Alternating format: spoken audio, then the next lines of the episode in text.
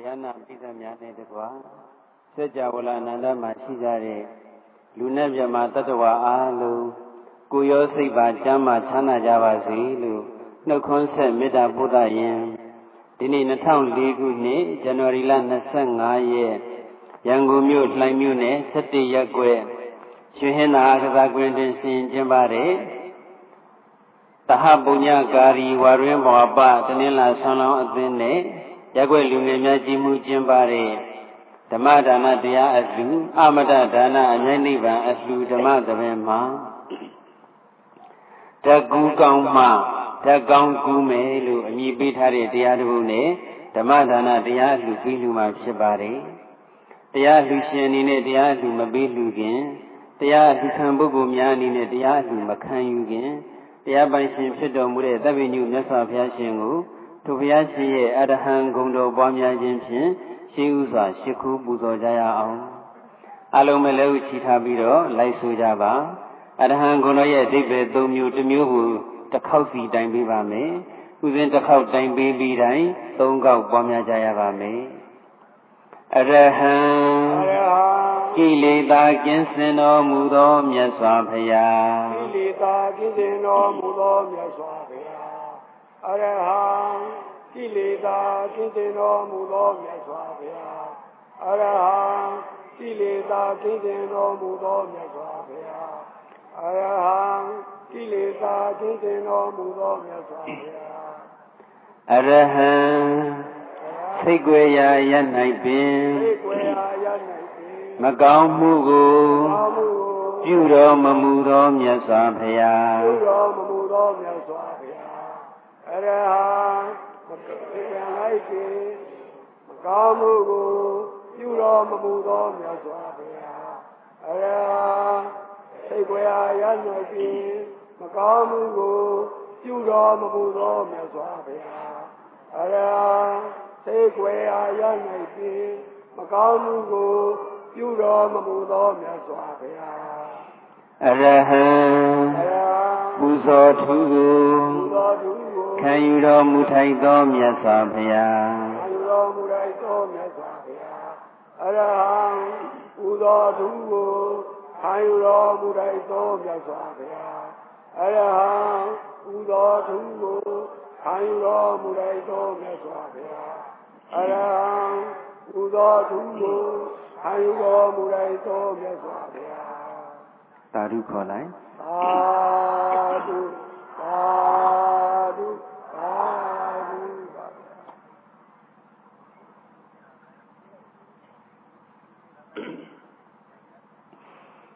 မြတ်စွာဘုရားရှင်ရဲ့အရဟံဂုဏ်တော်ပွားများပူဇော်ပြီးပြီဖြစ်တဲ့အတွက်လက်ဥချီထားတာလေးချထားပြီးတော့မျက်လုံးလေးတွေဖိတ်မထားပဲဖွင့်ထားပြီးတော့ထိုင်တဲ့ဣရိယာပုဂ္ဂိုလ်လည်းပုံစံတစ်မျိုးညောင်းရင်ပုံစံတစ်မျိုးပြောင်းပြီးတော့သက်သာတဲ့ဣရိယာပုနဲ့ချမ်းသာစွာတရားနာယူနိုင်ကြပါပြီဒီနေ့ဟောမယ့်တရားခေါင်းစဉ်ကဘာလဲလဲဒါကောင်းကူးမှာဒါကူးကောင်းပါပဲဗျာ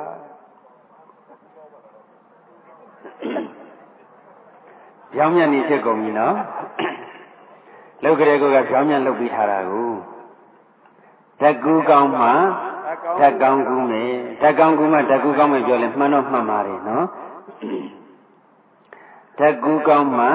ဓကောင်းကူးမယ်ဓကူကောင်းမှမဟုတ်ဘူးနော်ဓဘူးကောင်းမှဆိုလဲမှန်တာပါပဲဓဘူးကောင်းမှဓကောင်းကူးမယ်ဓဘူးကမကောင်းမနဲ့ ပြက်စီးနေမယ်ရည်သိညံ့နေမယ်ဆိုရင်လေအဲ့ဒီတပူတွေထဲတဲ့အပူဆိုလဲကြာရှိခံမမလားမခံပါဘူးဗျာမခံဘူးအေးကိုလည်းကြာရှိခံမမလားခံပါဘူးကြာရှိအေးခြင်းလို့တပူတွေထဲထားတပူကမကောင်းဘူးဆိုတော့ကြာရှိအေးမခံဘူးပေါ့အဲ့တော့တပူကောင်းမှလေဓာတ်ကောင်းကူးတာပါပဲအဲ့ဒါဒီနေ့ဟောမှာကဓာတ်ဓာတ်ပါတော့ဓာတ်ကူးကောင်းမှဓာတ်ကောင်းကူးပါပဲဗျာ ဓကူကောင်းမှဓကောင်းကူနေအဲ့ဒီခေါင်းစဉ်ရဲ့အောက်မှာရေးထားတာကမြတ်စွာဘုရားရှင်ရဲ့ဂုံဘုတ်အမိတိုင်းရဲ့နောက်ွယ်မှာကြည်ညိုလင်းမြတ်ဖွယ်လိုက်နာတူးကျင့်ပွဲအထိပ္ပယ်အနှစ်တွေကနှဆိုင်စွာရှိနေတာမို့ကိုယ်စိတ်ဓာတ်နဲ့ကိုယ်လူရက်ကိုအတန့်စင်ဆုံးအမြင့်မြတ်ဆုံးတိဆောက်လိုသူတိုင်းမြတ်စွာဘုရားရှင်ရဲ့ဂုံဘုတ်တွေကိုနှလုံးသားထဲမှာအမြဲတမ်းဖော်ထုတ်ဆင်ခြင်နေတတ်ပါလေ ဗုဒ္ဓနုဒတိဘုရားကုံတော်ပွားဖို့ရေးထားတာပါပဲကိုယ်စိတ်ဓာတ်နဲ့ကိုယ်လိုရကိုအတန့်စင်ဆုံးအမြင့်မြတ်ဆုံးတိဆောက်လူသူတိုင်းဆိုတဲ့စကားရက်လေးကဂုဏတော်ပွားခြင်းရဲ့ရည်ရွယ်ချက်ကိုပြပါတယ်ဂုဏတော်ပွားတယ်ဆိုတာဂုဏတော်ကတော့ဘုရားဂုဏတော်တရားဂုဏတော်သံဃာဂုဏတော်သုံးမျိုးရှိတာပေါ့လေဒါပေမဲ့ဂုဏတော်ပွားတယ်ဂုဏတော်ပွားတယ်ဆိုတာအများအရှင်းတော့ဘုရားဂုဏတော်ကိုပဲပွားကြတာများလို့ ဘုရားဂုဏတော်ပွားတာကိုရည်ရွယ်ပါတယ်ဂုဏတော်ပွားတယ်ဆိုတာအန္တရာယ်ကင်းဖို့လက်ရှင်ဖို့ပွားတာမဟုတ်ပါဘူးစီဝတ်တက်ဖို့ယာရုတိုးဖို့ပွားတာမဟုတ်ပါဘူးဒဝင်ဆန္ဒပြေဝဖို့အကျဉ်းအစည်းအောင်မြင်ဖို့ပွားတာမဟုတ်ပါဘူးကိုယ်စိတ်ဓာတ်နဲ့ကိုယ်လိုရကိုအတန့်စင်ဆုံးအမြင့်မြတ်ဆုံးတိဆောက်လူသူတိုင်းနဲ့ကိုယ့်ရဲ့စိတ်ဓာတ်ကိုအတန့်စင်ဆုံးအမြင့်မြတ်ဆုံးဖြစ်အောင် ကိုယ့်ရဲ့လုံးရက်ကိုအတန့်စင်ဆုံးအမြင့်မြတ်ဆုံးဖြစ်အောင်လို့ဂုဏ်တော်ပွားရတာပါကိုယ်စိတ်တဲ့ကိုယ်စိတ်ဓာတ်နဲ့ကိုယ်လိုရက်ကိုအတန့်စင်ဆုံးအမြင့်မြတ်ဆုံးတိဆောက်ဖို့အတွက်ဂုဏ်တော်ပွားရတာအနိယကိနာတို့လက်ရှင်နာတို့စီဝတ္တတာတို့ယာရုတိုးတာတို့ဒွေဆန္ဒပြေဝတာတို့အကျဉ်းစီအောင်မြင်တာတို့ကိုဖြစ်ချင်တာဖြစ်တာတို့ဆိုတာကနောက်ဆက်တွဲအကျိုးတရားတွေဘေးထွက်အကျိုးတရားတွေ ဂုဏတော်ပွားခြင်းရဲ့အဓိကအကျိုးပင်မအကျိုးကတော့စိတ်သက်ဆန့်တန်မြင့်မားဖို့လုံရဆန့်တန်မြင့်မားဖို့ဂုဏတော်ပွားတဲ့ဆိုတာမိတ္တူကူတာနဲ့အတူတူပဲမိတ္တူကူတဲ့အခါမှာကကြီးကိုမိတ္တူကူတော့မိတုကူတဲ့စာရွက်ပေါ်မှာဘာထင်လို့ကာကြီးပဲထင်ပါကာကြီးထင်တာပဲခါခွေးကိုမိတုကူတော့ခါခွေးထင်နေ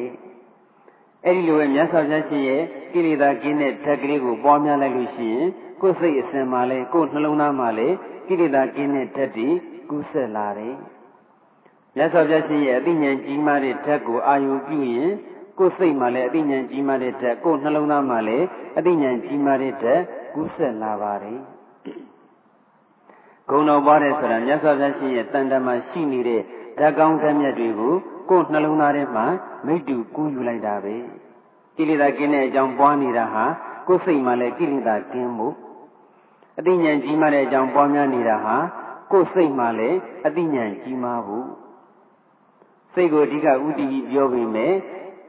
ကိုယ်စိတ်မှာလည်းမြတ်စွာဘုရားရှင်မှာရှိတဲ့ဓာတ်ကောင်းဓာတ်မြတ်တွေကူးဆက်ဖို့ကိုယ်နှုတ်မှာလည်းမြတ်စွာဘုရားရှင်ရဲ့ဓာတ်ကောင်းဓာတ်မြတ်တွေကူးဆက်ဖို့ကိုယ်ကိုယ်ပေါ်မှာလည်းမြတ်စွာဘုရားရှင်ရဲ့ဓာတ်ကောင်းဓာတ်မြတ်တွေကူးဆက်ဖို့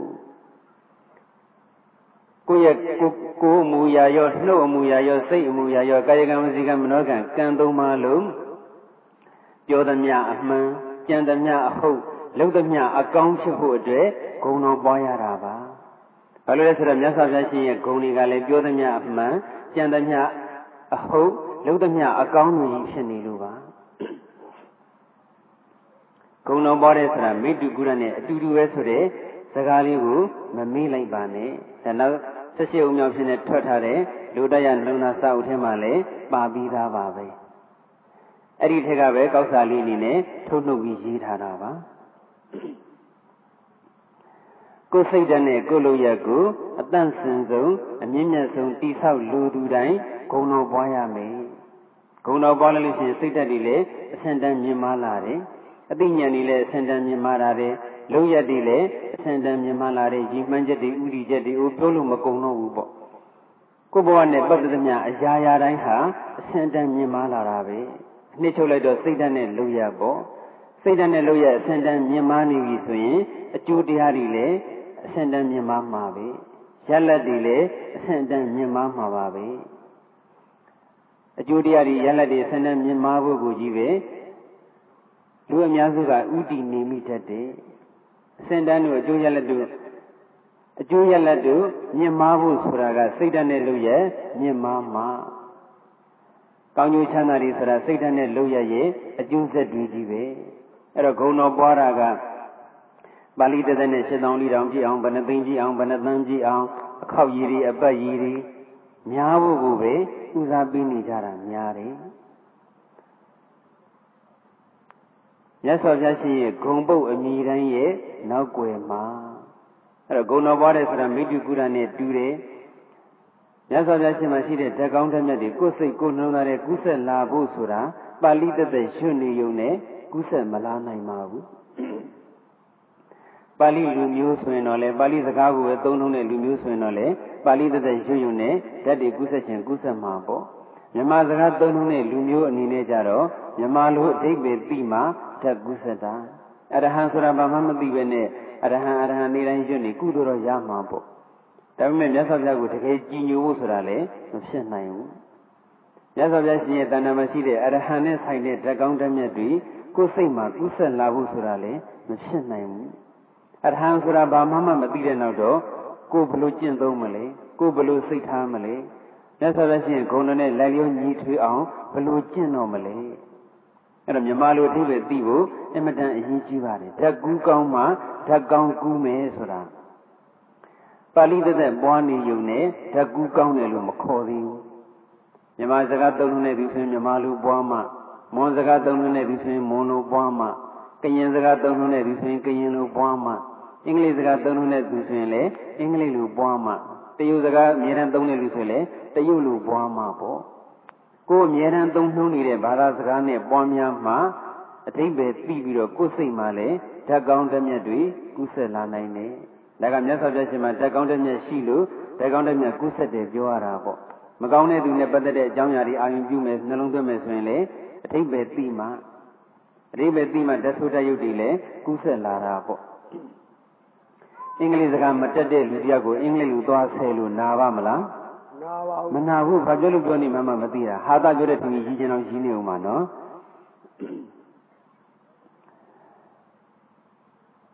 ပါဠိရဲ့အဓိပ္ပာယ်ကိုနားမလည်တဲ့လူတယောက်ပါဠိလူကြီးပဲဂုံတော်ပွားနေုံနဲ့ဖះကိုလည်းကြီးညိုလေးစားတယ်မျက်နှိုးတယ်ချစ်ခင်တယ်ဆိုတာလုံးဝမဖြစ်နိုင်ဘူးဖះမှာရှိတဲ့ဓာတ်ကောင်းတဲ့မြတ်တွေလည်းကိုယ်စိတ်မှာဥဆက်မလာနိုင်ပါဘူးဒါကြောင့်ဂုံတော်တွေကိုမြမလူအဓိပ္ပာယ်ခြေခြေပြည့်ပြည့်သိဖို့အရေးကြီးပါတယ် မြတ်စွာဘုရားရှင်ရဲ့ဂုံပုတ်အမိတိုင်းရဲ့နောက်ွယ်မှာတဲ့ပါဠိစကားလုံးပါဠိစကားလုံးလေးတွေတစ်ခုချင်းတစ်ခုချင်းရဲ့နောက်ွယ်မှာအထိပ္ပယ်တွေရှိတယ်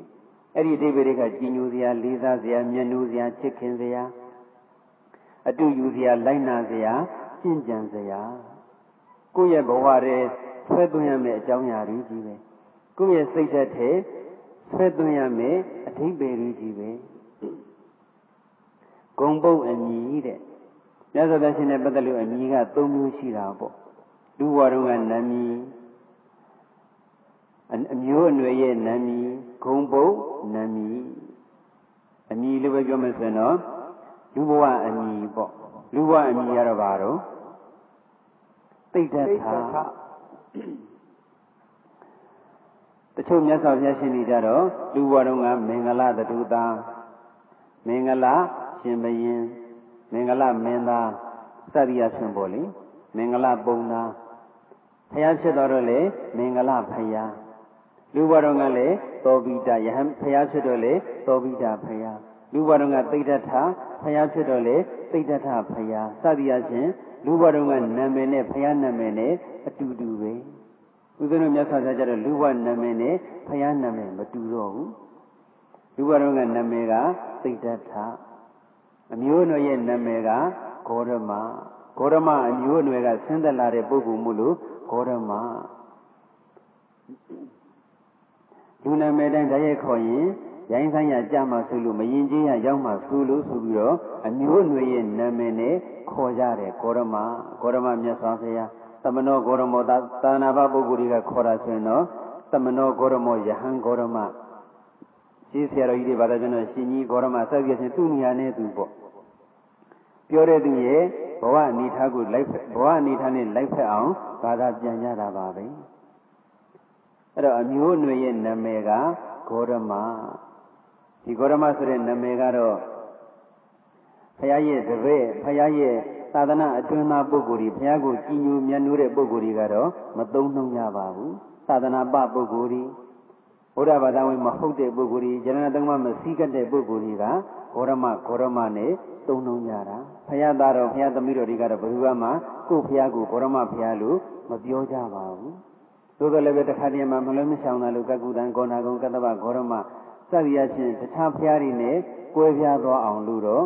ဂေါရမလို့သုံးနှုံကြတယ်သုံးနှုံကြတယ်ဆိုတာကလည်းအခုခေတ်ကျမှသုံးနှုံကြတာပါဒီတကစာပေမှာတော့ကိုဖျားကိုဘယ်သူမှဂေါရမဖျားလို့မပြောကြပါဘူး အဲ့တော့နန်းစားအနေနဲ့မလွဲမရှောင်တာတဲ့အခါမျိုးမှာသာသုံးနှုံကြတာအများအချင်းကတော့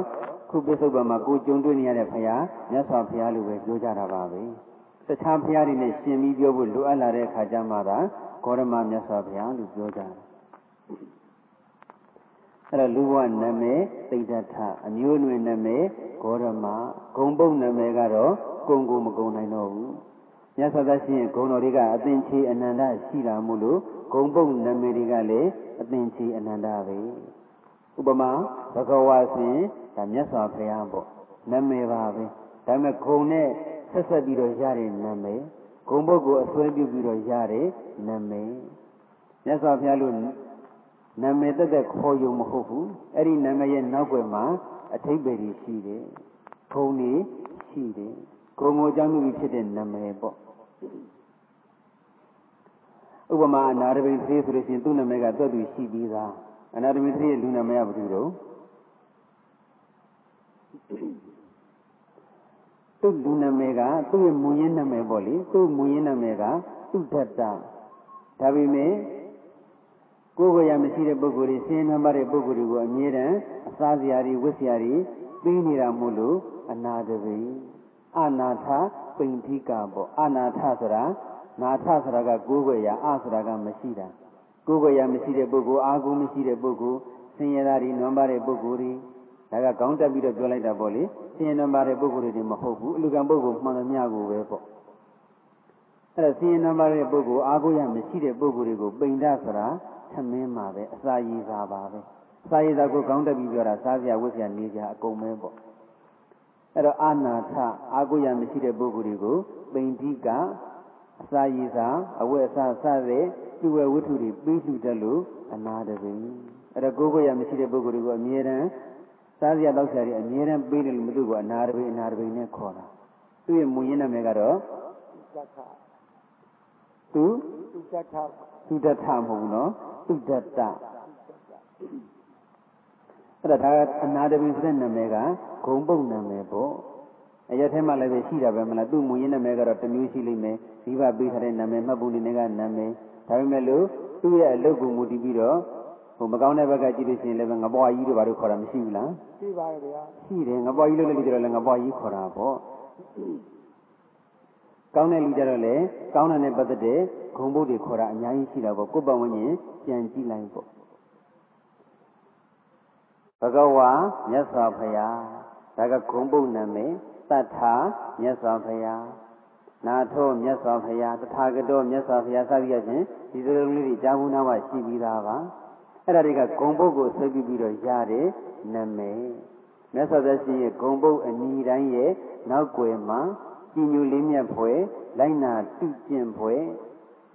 ဂုံတော်ပွားတဲ့ခါမှာအဆင့်ကနှစ်ဆင့်ပေါ့ပထမမြတ်စွာဘုရားရှင်ရဲ့တဏ္ဍာမှာရှိတဲ့ဂုံတွေကို ကြည်ညိုဖို့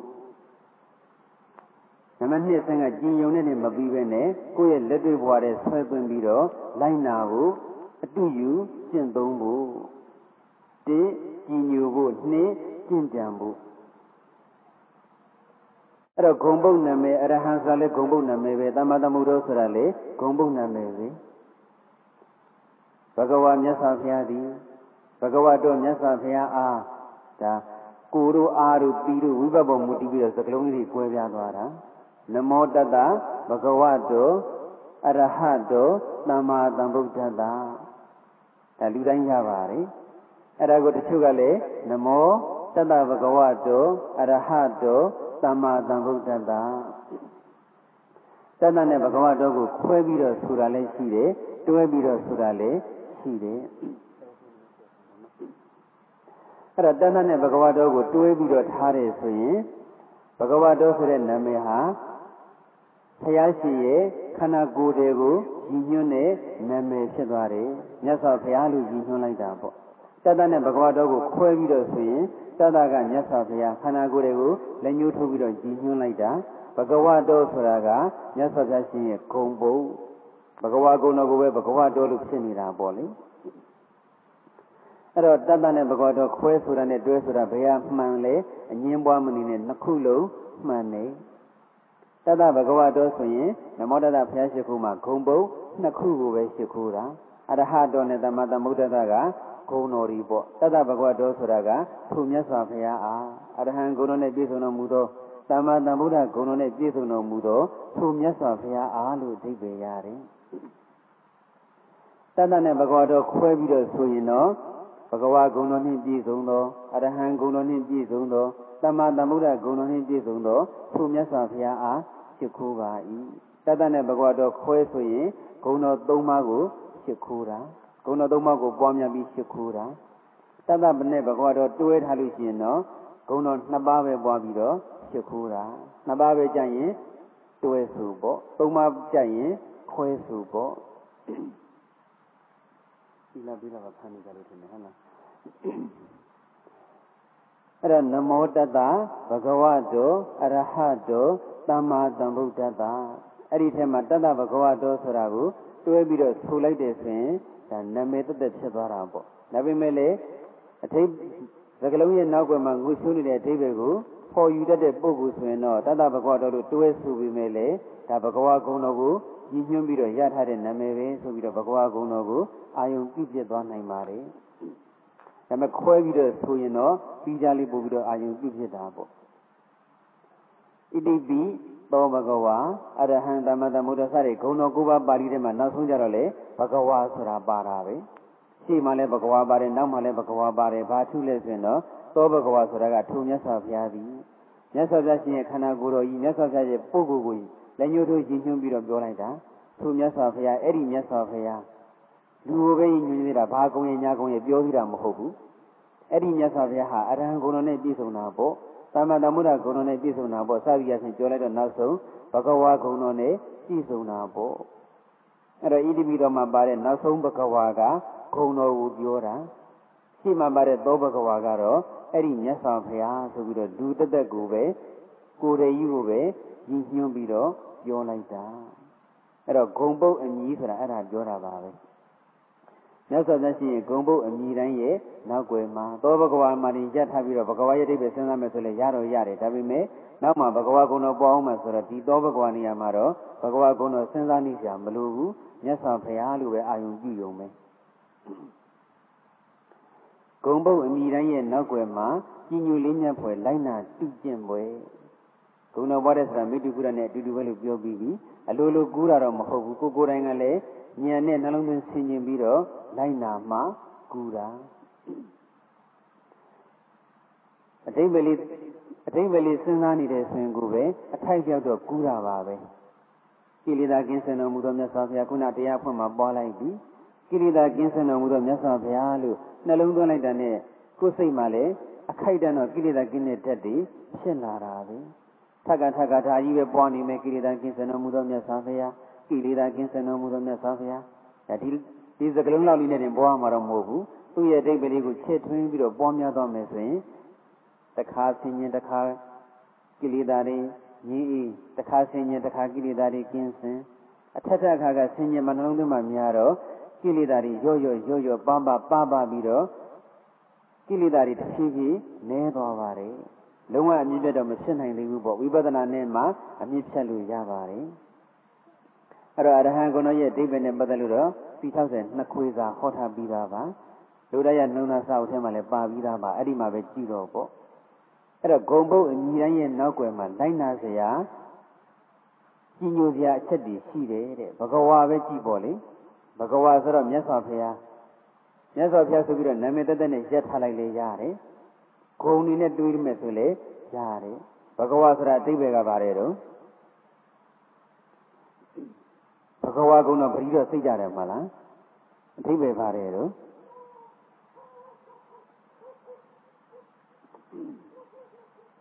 ဘဂဝါပါလဲမြတ်လို့ရှိရင်တော့ဘုံတော်6ပါးနဲ့ပြည့်စုံတော်မူသောမြတ်စွာဘုရားဒါဂုဏတော်တိပဲจิตထားပြီးတဲ့ပုဂ္ဂိုလ်ဆိုရင်ရမယ်ဒါပေမဲ့ဂုဏတော်တကယ်ပွားပြီးဟိဘဂဝါဂုဏတော်ဗရိစိတ်ပြီးဟိဆိုရင်တော့ဘုံတော်6ပါးအာယုံပြုတာလားဘဂဝါဘဂဝါဆိုပြီးတလုံးတလုံးချတာလားဘဂဝါပါဠိ ဘာရဲ့ဂါရဲ့ဝါရဲ့ဘာကုံးလေးရဲ့ဂန်းငယ်လေးရဲ့ဝါကြီးချရဲ့ဒီစကလုံးလေးသုံးလုံးပဲမျက်စိနဲ့မြင်ပြီးတော့တလုံးပြီးတလုံးတစ်ချောင်းချောင်းနဲ့ချလိုက်ကြတာများတယ်ဘုံတော်6ပါးစဉ်စဉ်းစားမိတဲ့သူရှားပါတယ်စဉ်းစားကြတော့လေဘုံတော်6ပါး6ကဏ္ဍလေးပဲမျက်စိနဲ့မြင်တာကဲဘုံတော်6ပါးပြောပါအောင်ဆိုရင်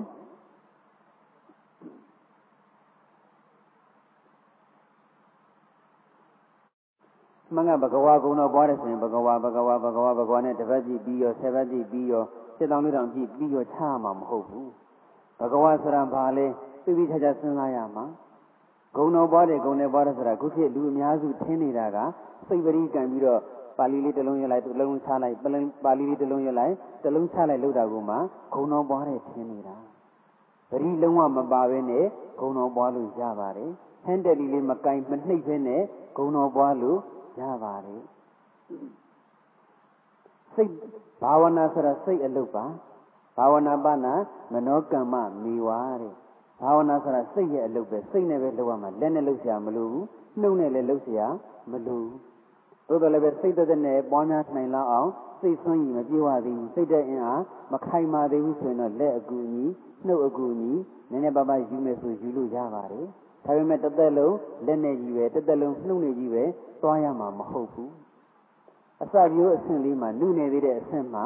ပြင်ပရုပ်ဝတ္ထုတစ်ခုခုရဲ့အကူအညီကိုယူမယ်ဆိုယူလို့ရတယ်ဒါပေမဲ့အဲ့လောက်နဲ့ပြီးရမှာမဟုတ်ဘူးလမ်းလျှောက်သင်္ကန်းစလမ်းလျှောက်တက်ခါစခလေးလေးမိဘတွေကအဖေနဲ့အမေဟိုဘက်ကတစ်ဖက်ဒီဘက်ကတစ်ဖက်ခလေးလေးရဲ့လက်ကိုထိမ့်ကန်ပြီးတော့လမ်းလျှောက်သင်မပေးရဘူးလားအသက်20ပြည့်တဲ့ခါကျတော့ကိုသား ဘယ်နဲ့ညာနဲ့ကန်ပြီးတော့လမ်းလျှောက်ခိုင်းစရာလိုသေးလား20မှကိုမဟုတ်ပါဘူးလေလမ်းလျှောက်တင်တာတော်တော်လေးလားနဲ့ချီသွားပြီဆိုရင်တော့လက်လွတ်ပေးလိုက်ရုံပဲအဲ့တော့ပထမဆုံးစိတ်ပရိတို့စိတ်ပရိကင်တာတို့ဗဇက်ကတန်ထပ်ပြီးရွတ်တာတို့ဟိုအရိယာနှိပ်ပြီးတော့ရွတ်တာတို့ဆိုတာကလမ်းလျှောက်တင်တဲ့အဆင့်ပဲလမ်းလျှောက်တင်တဲ့အချိန်မှာရိုင်းလဲသွားမှဆိုလို့ဒီကနေမိဘတို့လူကြီးတို့မတို့ကထိမ့်ပေးထားတဲ့သဘောပဲ မိဘကလက်လွတ်လိုက်တာနဲ့သက်သက်လုံးလမ်းမလျှောက်တတ်ဘူးဆိုရင်တော့ပိုလီယိုဖြစ်နေလို့ဖြစ်မယ်ခြေထောက်ပိုလီယိုဖြစ်တာတဲ့စိတ်ပိုလီယိုဖြစ်တာကပိုဆိုးတယ်အဲ့တော့ဂုံတော်ပေါ်တဲ့နေရာမှာလက်အကူကြီးနှုတ်အကူကြီးဆိုတာကမတန်မဆွမ်းသေးတဲ့အဆင့်မခိုင်ခြေထောက်မခိုင်သေးတဲ့အဆင့်ပွားတဲ့အနေနဲ့ပြောတဲ့စိတ်မခိုင်သေးတဲ့အဆင့်ပေါ့လမ်းလျှောက်တော့ခြေထောက်မခိုင်သေးလို့ထိမ့်ပေးရတယ်ဂုံတော်ပေါ်တော့စိတ်မခိုင်သေးလို့နှုတ်နဲ့လက်နဲ့ထိမ့်ပေးရတယ် ခိုင်သွားပြီဆိုရင်တော့အထိန်ကြီးလွတ်လိုက်ပါတော့စိတ်သက်သက်နဲ့ပဲပွားများလိုက်ပါစိတ်သက်သက်နဲ့ပွားမှဘာဝနာစစ်စစ်ဖြစ်ပါတယ်တချို့ကပရိစိတ်တဲ့လူကိုသမထသမထလို့နာမည်တက်လိရှိတယ်တကယ်တော့သမထကိုမဟုတ်သေးဘူးရရကြီးပြောရပါတယ်သမထကိုမဟုတ်သေးဘူးပရိစိတ်တဲ့လူကိုသမထလို့နာမည်တက်တဲ့လူတွေကသမထဝိပဿနာပွားများတယ်သမထလည်းလုပ်တယ်ဝိပဿနာလည်းလုပ်တယ်လို့ပြောလိုက်ရင်ဘာပရိစိတ်တုံးလို့မင်းလိရှိ အရှင်ဘုရားတော်တဲ့တောင်နဲ့တရားတွေအားထုတ်နေတယ်ဘာဝနာတွေပွားနေတယ်သမထလားဝိပဿနာလားတဲ့မင်းသမထရောဝိပဿနာရောပဲလို့ပြောလိုက်တော့ဘာပရိစိတ်တာတုံးနဲ့ဘာရွတ်တာတုံးနဲ့သမထဆိုတာကိုပရိစိတ်တာလို့ထင်နေကြတယ်သမထဆိုတာကိုရွတ်တာဖတ်တာလို့ထင်နေကြတယ်သမထရောဝိပဿနာရောသာသနာ့တွင်မှာပွားများရမှာပါပဲစိတ်သက်သက်နဲ့ပွားများရမှာပါဂုဏတော်ပွားတာသမထပါမေတ္တာပို့နေတာ သမထပါအတုဝကမ္မထရှုနေတာသမထပါသိခြင်းတရားကိုဆင်ញင်နေတာတွေသမထပါအဲ့တော့ဗုဒ္ဓနုတ္တိသမထကမ္မထံကိုသမထစစ်စစ်ဗုဒ္ဓနုတ္တိစစ်စစ်ရှင်းအောင်ပွားမယ်ဆိုရင်စိတ်သက်သက်နဲ့ပွားများရမယ်ပွားတော့လည်းပဲခုန